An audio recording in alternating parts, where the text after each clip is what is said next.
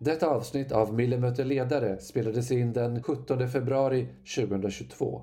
Därför nämns inte händelseutvecklingen efter Rysslands invasion av Ukraina som skedde den 24 februari 2022.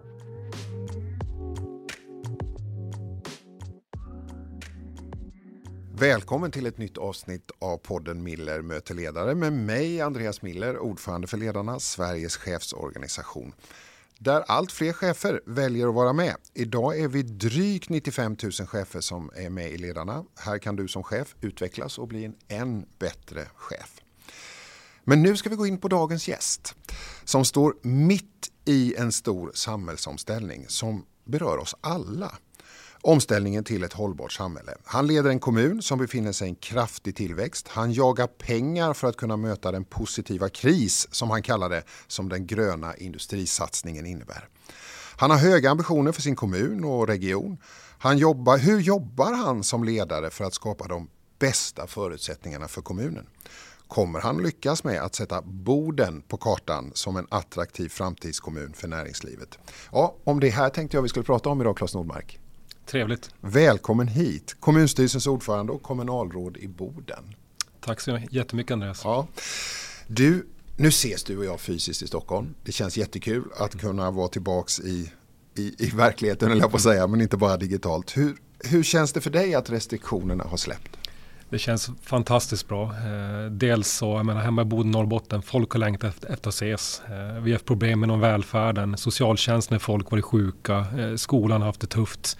Så det känns jätte, jättebra att vi sitter i något helt annat och att vi kan ses. Och vilken fantastisk energi det blir att träffa människor igen. Mm. Ja, jag håller verkligen med dig om det. Du, hur gör ni i Bodens kommun? Det är en stor diskussion nu eh, om hur, hur ska vi jobba framåt, det nya arbetslivet. Va, vad tänker ni? Hur mycket hybrid blir det i, kom, i Bodens kommun? Det blir nog mer hybrid. Utifrån vissa möten så behöver man faktiskt inte ses. Vissa möten är mer informativa och lite korta kanske och ja. då måste man inte ses.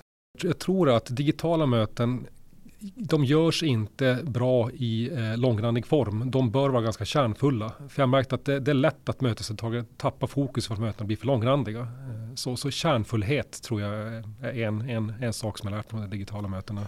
Men du, då tar vi med oss det, kärnfullhet även i det här poddavsnittet tänker jag. Men innan vi går vidare så ska lyssnarna få en kort presentation av dig innan vi går vidare. Det låter så här. Claes Nordmark är uppvuxen i Boden och har både svenskt och finskt medborgarskap. Han har en magisterexamen i statsvetenskap vid Uppsala universitet. Hans politiska karriär började som aktiv i Socialdemokraternas studentförbund i Uppsala. I vuxen ålder har Stockholm till stor del varit hemorten. Där har han hunnit med en mängd politiska uppdrag och roller. Bland annat som politisk rådgivare i regeringskansliet. Han har också erfarenhet från flera internationella politiska uppdrag i bland annat irakiska Kurdistan, Sydamerika och Belarus. Sedan 2018 bor han återigen i Boden och är kommunalråd och kommunstyrelsens ordförande i kommunen samt ordförande för Norrbottens kommuner där samtliga 14 kommuner i länet är medlemmar. Det där att flytta hem och, och liksom komma tillbaks, hur har det känts? Det känns fantastiskt bra. Eh, jag är, jag är väl mer en världsmedborgare. Jag ser Stockholm, världen som mitt hem. Men, men Boden, det är verkligen hemma för mig. Jag är elfte generationens bodensare. Och, ja, det var väldigt skönt att komma hem. Stor glädje. Men du, vad var det som drog då? Vad var det som gjorde liksom att jag måste hem till Boden? Eh, människorna väldigt mycket. Jag, jag saknar bodementaliteten. Eh, väldigt sätt, självklart roligt sätt att vara på och tjurskalliga vinnarskallar som aldrig ger upp. Eh, jag gillar, jag gillar bodensarna och jag gillar såklart också naturen och hela, hela det. Men ja. bodensarna, jag gillar dem. Men du, Boden ligger nästan fyra mil nordväst om Luleå. För den som inte har det helt på kartan. Drygt 13 mil från finska gränsen. Och du, som vi hörde här i presentationen, du har både svenskt och finskt medborgarskap. Vad, vad, vad, vad är din relation till Finland? Den är väldigt, väldigt stark. Min mamma är från eh, fin, finlandssvenska Finland, en liten by utanför Ekenäs eh, som heter Bromarv. Eh, och pappa är från Boden då. Men ja, jag, jag tror var, varje sommar fram till jag var 18 tror jag så tog vi bilen, körde från Boden vid Haparanda ner till släkten Helsingfors och var där en två, tre veckor och så körde vi hem. Mm. Eh, så jag tror jag var i Helsingfors kanske 18 gånger när jag var i Stockholm första gången. Eh, så att Helsingfors var ju som min huvudstad på något sätt. För att där fanns släkten. Eh, pappa var gympalärare, mamma var sekreterare på sjukhuset. Vi hade liksom inte råd med någon större semester än så. Så det var Finland. Så ja. Finland var som, det var mitt land. Så om jag skulle kunna finska, skulle du kunna köra podden på finska då? Tyvärr inte. Hela min släkt är svenskspråkig. Jaha, så det, ni, ja. ni är svenskspråkiga? Ja, och jag brukar säga att det enda misstag mina föräldrar under uppväxten var att de inte satte mig i hemspråksundervisning på finska. För då hade jag kunnat det. Så. Men min gammelmormor, hon var 97 när hon dog. Hon har glömt bort hur man pratar finska. Hon kunde bara svenska. Nej, men så min relation till Finland är väldigt stark och i, det var ett år sedan tror jag, så första gången någonsin satt jag och bläddrade i min morfars eh, dagböcker. Ja. Eh, och morfar han fick tuberkulos eh, i andra världskriget och det var ju mycket som, som han fick. Och han, han dog av det när mamma fyllde två år. Eh, och då läste jag hans dagbok och bläddrade bara i minnen och bandreferat så. Och så sista av allt han skrev i dagboken var Dum spiro spero. Och det är latin och betyder ungefär eh, så länge andas, så länge andas hoppas jag. Eh, så att morfar han hoppades in i det sista på att överleva tuberkulos. Hade han levt två, tre månader till, då hade han överlevt. För då kom medicinen mot, mot tuberkulos. Eh, så att Finland, så det hela tiden kommer nya saker till mig som stärker min relation till Finland också. Vad intressant, du och jag har samma erfarenhet. Min farfar dog i tuberkulos, det fanns ingen medicin. Så, så eh, på den tiden. Ja, länge lever vetenskapen. Länge lever vetenskapen. Du, Uppsala universitet, Eh, där läste du molekylärbiologi i två år och så tog du en paus. Och en paus som drev dig in på helt andra spår. Vad hände? Ja, jag, jag, efter att ha läst molekylärbiologi så var det mycket som hände som fick mig att, att jag, jag, jag mådde inte så jättebra mentalt. Jag funderade på varför är det så här och började känna att det är nog inte det här jag ska hålla på med. Eh, och jag kunde spåra tillbaka att, att varför jag läste molekylärbiologi det var för att jag hade bra betyg i högstadiet och då tyckte studievägledaren skulle läsa naturvetenskap på gymnasiet när jag kanske egentligen borde läsa samhällsvetenskap. Eh, och då blev det som att jag kände att nej, men nu, jag, jag måste ta en paus. Jag, jag, måste fundera på vem är jag och vad vill jag göra med mitt liv? Eh, så det var väldigt nyttigt att jag inte mådde jättebra då och fick verkligen grotta ner mig i mig själv och definiera mig. Vem är jag? Vad vill jag göra? Mm. Var det den här studentföreningen, Laboremus heter den va? Ja. Det, I Uppsala, ja, socialdemokratiska. var det där lite grann de här tankarna också Nej, fick fäste? utan de, de, kom innan det. Utan det var när, så att jag tog ett sabbatsår och drog och jobbade i fiskindustrin i Norge först, en klassiker. Och sen drog jag till Australien, Nya Zeeland, Thailand och reste och själv och bara fundera och, men mådde bra. Mm. Kom tillbaka på att läsa statsvetenskap. Eh, två veckor efter det så gick jag med då i studenter i Uppsala. För då kände jag som att men det är det här jag ska hålla på med. Var, var det självklart för dig att bli socialdemokrat? Ja, det var det. Jag, det är inte kul. Jag glömde gamla så flyttkartonger som mina föräldrar och kollade på någon miniuppsats man skrev på högstadiet och såg att jag var ju typ högersoc redan då. Mm. jag skrev EU, EU, EMU, EU-medlemskap, så jag var positiv till det. så att jag, det är nog det parti som jag har hittat hem bäst hos. För jag menar, inget parti håller man ju med till 100 procent, så är det ju. Men det, jag, jag, känner mig mest rotad i socialdemokratin. Vad är det då i partiet som du känner dig mest hemma med?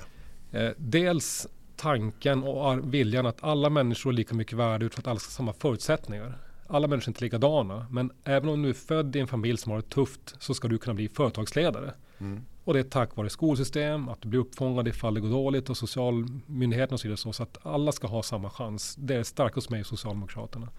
Och sen också balansen mellan, mellan marknadsekonomi, det offentliga, eh, klimat och pragmatism som finns hos Socialdemokraterna. Att faktiskt förändra samhället på, på ett bra sätt. Det, det är nog det jag känner mest hemma nu använder du begreppet högersosse om dig själv. Eh, vad skulle du säga högersosse i det då? Jag har fått den stämpeln ibland för att jag, jag gillar tillväxt. För jag tror att när kakan blir större så finns det mer att fördela också till människor. Jag menar som kommunalråd, jag vill ju högre skatteintäkter i min kommun. Och då behöver jag tillväxt för att få högre skatteintäkter.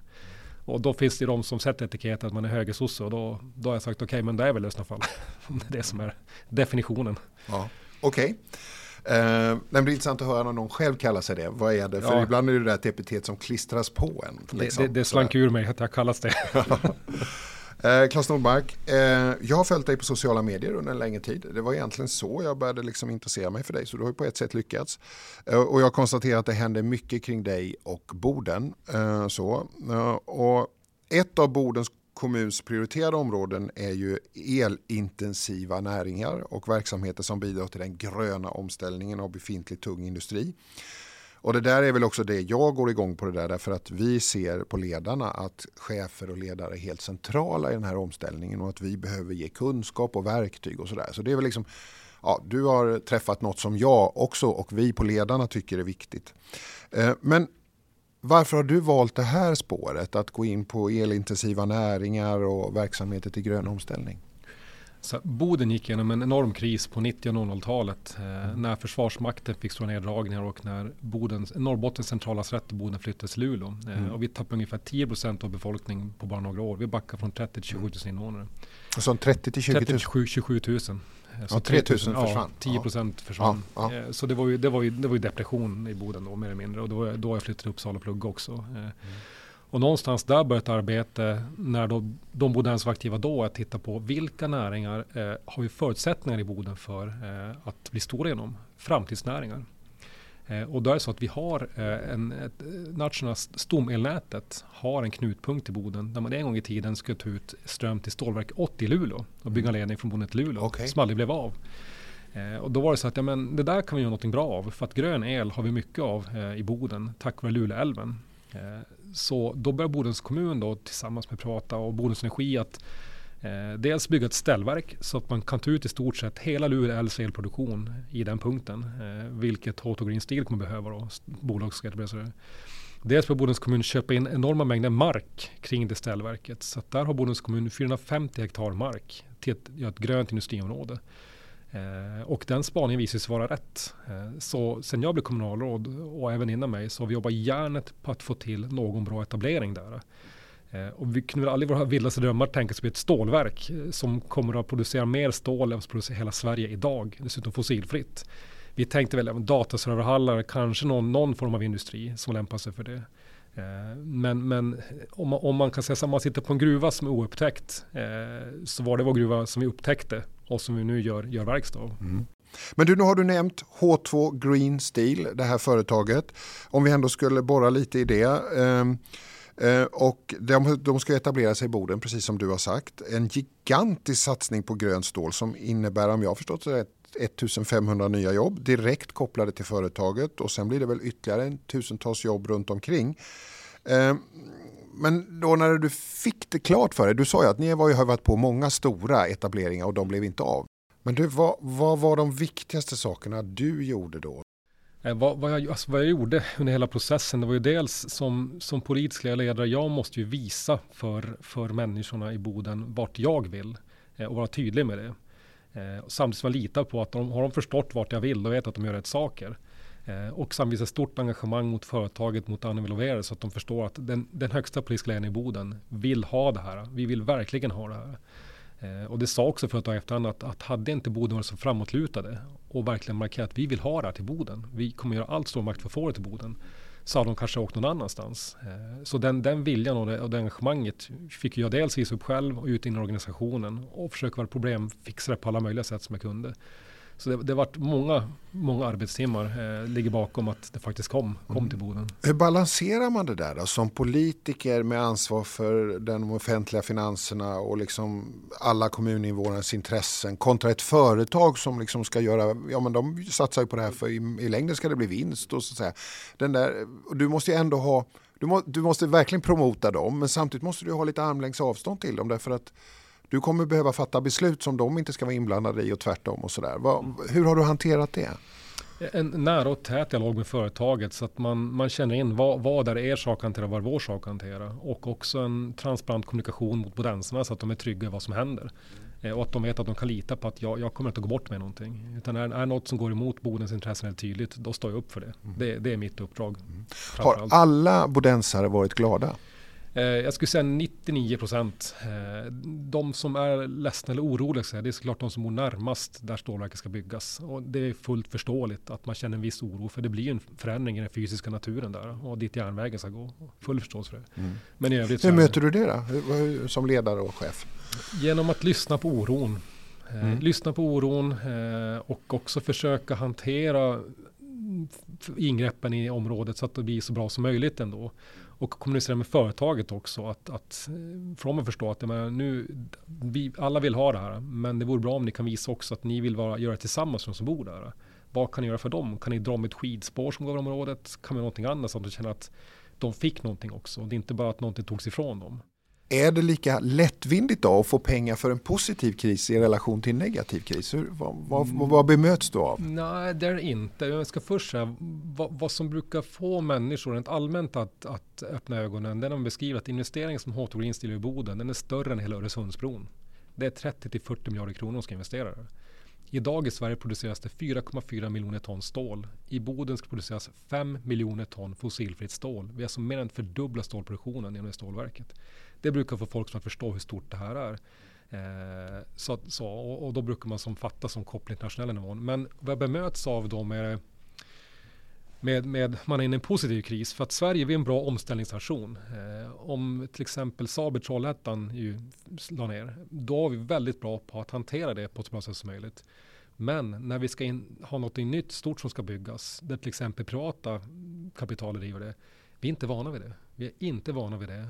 Så att, så att allt som händer i norra Sverige, inte bara med H2 Green Steel, utan även Hybrid, eh, Northvolt så, det är en katalysator för Sverige som etableringsnation. Och här är det väldigt viktigt att staten Sverige fångar alla de bollarna. För gör vi det så kommer vi ta på oss den världsledande tröjan för, för den här omställningen. Misslyckas en etablering, då kan det bli så att andra företag som tittar på Sverige säger att nej, dit åker vi inte för att de tappade den bollen och det, då kan vi inte lita på dem. Så att vi är en brytpunkt just nu som nation. En brytpunkt säger du. Kan du vara orolig? Kan du, kan du när du tittar på den här brytpunkten, kan du vara orolig att det inte går? Det är oroligt. jag, jag märker att när man, när man pratar med myndighetsföreträdare och regeringen så, när folk förstår eh, att oj, så här, här måste jag, min, mitt ansvar, här måste jag ta tag i det här. Eh, då är jag inte orolig längre när, folk, när polletter trillar ner. Men när folk ibland, eh, för det är människan ofta, gömmer sig bakom att ah, men det här systemet vi har funkar så, eller ah, men det där är nog inte vårt ansvar. Då blir jag orolig. Eh, när folk inte förstår att men Svarte Petter kan faktiskt hamna hos dig. Och det måste man förstå innan det går åt pipan så att säga. Men, men jag tycker att staten nu, och, och regeringen och myndigheterna samlat, har verkligen fått upp tempot. Så att jag, jag är vid väldigt gott mod. Jag möter ju chefer och ledare som har att hantera medarbetare som känner att när de ser utvecklingen och de ser att den produkt som de gör nu, den kommer förmodligen att bli obsolet. Den kommer inte vara aktuell därför att den är inte hållbar på det sätt som framtiden kommer kräva. Och då kommer frågan, vad händer med mig? Vad händer med mitt jobb? Vad händer med mitt företag? Och så vidare. Hur, hur tänker du kring det där att den där omställningen också av förståeliga skäl så skapar förändringen oro och, och, och så. Vad, vad tänker du om det? Hur hanterar man det? Men jag tänker att det, det, är viktigt att, man, att vi har någonting som går snabbt men samtidigt som människor får följa med i den också. Mm. För att, för att om, om det blir så att man nu känner att men det här, vi, vi mäktar inte med. Till exempel med dieselprisen i Sverige är högst i världen idag. Det, det, det, är inte jättebra tycker jag. För att det som då som vanligt folk inte kan med och chefer känner med. Så att, så att man måste nog ha tid, tid för, för reflektion eh, kring vad som är hållbarhet och hur man skapar det. Eh. Men är det inte så, tänker jag, att vi hamnar i en massa målkonflikter? För att liksom, det är ju så, på kort sikt så, så svider det. Men på lång sikt så kommer det bli bra. Och är det inte det som är den stora utmaningen, tänker jag, för chefer och ledare? Att stå i den målkonflikten och kunna beskriva den där målbilden. Jag tror det är helt rätt. Förändring svider och, och förändring hållbar. Det är klart att det svider om vi alla vet att det är rätt för att vi måste göra så.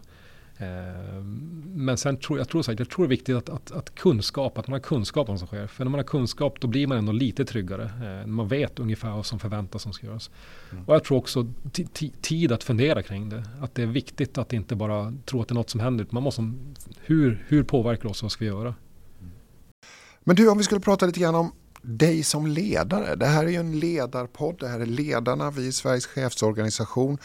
Eh, många som lyssnar på det här är själva chefer och så. Vad, vad skulle du säga, vilka är dina främsta styrkor som ledare om du själv skulle beskriva det? Jag, jag är uppvuxen med lagidrotten så att jag ska säga jag är nog ganska typisk lagkapten. Eh, en, en, motor i laget som peppar på, som ser var, var, vilka lagdelar går si så, var ska vi fördela bollen och så vidare. Mm. Och som pratar mycket med på planen och peppar. Alltid Vilken peppar, idrott? Peppar. Eh, fotboll ska jag säga är min huvudidrott, men jag även spelar hockey och basket och mycket innebandy. Men jag ska, mm. fo, i fotboll känner jag mig mest bekväm. Jag spelar korpfotboll än idag så att jag... det, det låter farligt. Jag, ja, det låter farligt men det är förbaskat roligt. Så lagkapten, jag är nog väldigt social eh, och jag är ganska inlyssnad också innan jag försöker sätta ner foten. Blev du lagkapten i de här lagen? Eh, jag var det ibland. Jag, jag hade haft samma självförtroende som jag nu, då, så hade jag varit lagkapten. Eh, men jag hade inte, jag var lite mer blyg och hade inte riktigt det självförtroendet. Men jag pratade mycket med folk som är lagkapten och ibland så var jag lagkapten också. Mm. Men, men ju äldre jag blivit, desto mer lagkapten har jag blivit. Vad, vilka faktorer är det som har lett dig fram till det självförtroendet och den, att kliva in och ta den rollen? Dels är det resan jag gjorde, eh, som jag berättade om när jag mm. mådde dåligt, mm. att jag förstod vilken kapacitet jag har och att jag har som ingenting att hålla tillbaka. Eh, dels också genom att jag har presterat ganska mycket som jag själv har sett att men, jag, jag har kapacitet eh, att leda. Mm. Eh, och det har också gett mig ett större självförtroende. Mm. Och också att jag märker att min förmåga att kommunicera den inspirerar människor och att jag kan leda om den. Och allt det har gjort att jag känner att men jag, jag är en bra ledare. Jag tror på mig själv. Mm. mm. Eh, för att jag tror oavsett vad man gör i samhället, om man är chef, om man är politiker, så är förmågan att kommunicera väldigt, väldigt viktigt för att leda människor och inspirera människor. Mm. Så jag har jobbat väldigt mycket på det medvetet och jag gör det än idag. Mm. Spännande och det tror jag många som lyssnar på den här podden kan ta till sig och, och, och kanske känna igen sig också. Men också att det där inte är något som bara gör sig av sig självt utan man måste träna, man måste liksom ta itu med det där. Så det är eh, spännande tycker jag. Har du liksom någon ledarförebild? Har du någon som du liksom har tänkt sådär, den där personen gör det väldigt bra eller så? Det är en väldigt bra fråga och jag har inte hittat någon individ, men jag har hittat individtyper eh, som jag tar inspiration från. Och en, en ledarstil jag, jag tycker är väldigt eh, bra inom politiken, det är Göran Persson-typen eller Magdalena Andersson-typen. Mm. Och de två människor jag, det, det, är samma typ av ledare fast i olika förpackningar. Ja, just det. Om du skulle hjälpa oss att karaktärisera ja, de här stilarna. Absolut, och det är väldigt påläst, eh, supertydlig, eh, bra kommunikatör och har karisma också. Eh, den ledartypen tycker jag om. Att vara påläst, eh, karismatisk och bra kommunikatör. Eh, och det hittar jag också inom lagidrotten. Jag, är alltid väldigt fascinerad av Zlatan. Menar, han har sina baksidor som ledare kan man säga. Men man märker om lag han kommer till eller han blir så börjar de vinna. Han har gjort mycket för Milan genom att han ger sig inte. Han ser mer folk än de själva ser. Och han är tydlig med vad man förväntar sig av dem. Och han ger järnet själv. Eh, så, och sen också demokratikämpar. Jag har alltid varit inspirerad av Nelson Mandela och sådana som har sån uthållighet att nå sina mål. Eh, mm. De aldrig jättebättre ledare men ändå blir det genom, genom vem de är. Tänker du att det finns folk som tittar på dig och tänker jag skulle vilja vara som Claes? Eh, jag, jag, kan ju hoppas att inspirera människor till det. För jag tycker att det, det, är en, det är en fin tanke att inspirera, att inspirera andra människor till att bli, bli ännu bättre ledare. Vad gör du när du möter motstånd som ledare? Hur hanterar du det? Jag försöker lyssna och förstå eh, vad, vad där motståndet kommer ifrån. Eh, är det är det sakargument, så här, någonting som jag har gjort fel eh, eller något som är fel som vi måste korrigera eller är det så att det är någon som rent av politiska skäl är motståndare mot mig. Eh, så. Och så försöker utifrån det agera. Men, men alltid, och det ena kanske du kan korrigera och det andra tycker du kanske tillhör eh, normaliteten? Att det, någon... det ena kan jag korrigera eh, och det andra så då får jag helt enkelt möta det med, med goda argument. Så att, så att även om jag då måste in i en debatt där man egentligen tycker olika varandra att, att ändå både motståndare som hör känner att ja, men, om, även om jag vann, det var, det var schysst, det var en bra debatt och det var med respekt. Medborgarna då, invånarna, det där att vara politiker det är ju att ständigt vara i blickfånget och också kunna föra en dialog med medborgarna och så. Hur håller du kontakt med bodensarna? Mm. Eh, jag är ganska ut, ofta ute och rör mig i Boden. Det är på idrottsmatcher, kulturarrangemang, luncher på stan och så. Så att folk kan hugga med när de vill. Eh, så. Sen är jag också väldigt aktiv i sociala medier som sagt. Så att jag säger att folk, ni kan skicka ett meddelande och så svarar jag så fort jag bara kan. Eh, så att ringa mig kan vara svårt för jag sitter ofta i möten men jag svarar ofta snabbt meddelanden. Och kan, kan, kan, kan du bli stressad av det ibland? Det kan jag känna att, att sociala medier så att säga, pågår hela tiden och jag måste fokusera på en annan fråga och liksom, ja, hur ska jag hantera det där? Eller, eller hanterar du det? Eller? Jo, ibland. Ifall det är någon debatt som man går in i där man känner att man måste vara närvarande och med något annat möte måste ha, det, då kan det vara stressande. Uh, of, oftast tycker jag en tillgång till sociala medier så att man blir tillgänglig. Uh, men ibland, som du säger, det kan bli att man blir lite för mycket ibland. Mm. Du, eh, media då? Ehm, är det viktigt för dig att ha en god relation med media? Absolut, och media finns ju alltid tillgänglig för oavsett om det är så att säga, enkla eller svåra frågor de kommer med. Och jag brukar ofta själv arbeta aktivt med att eh, söka upp media och ge dem tips på saker och, och kommunicera kring. Eh, för det tycker jag är viktigt, dels för att eh, folk ska veta vad som försiggår. Eh, och det är ett sätt också att leda en kommun, att, att folk får känsla för vilken riktning vi är på väg utifrån vad jag kommunicerar. Så att jag jobbar väldigt mycket med att svara på frågor från media och också aktivt själv eh, ge media saker att skriva om.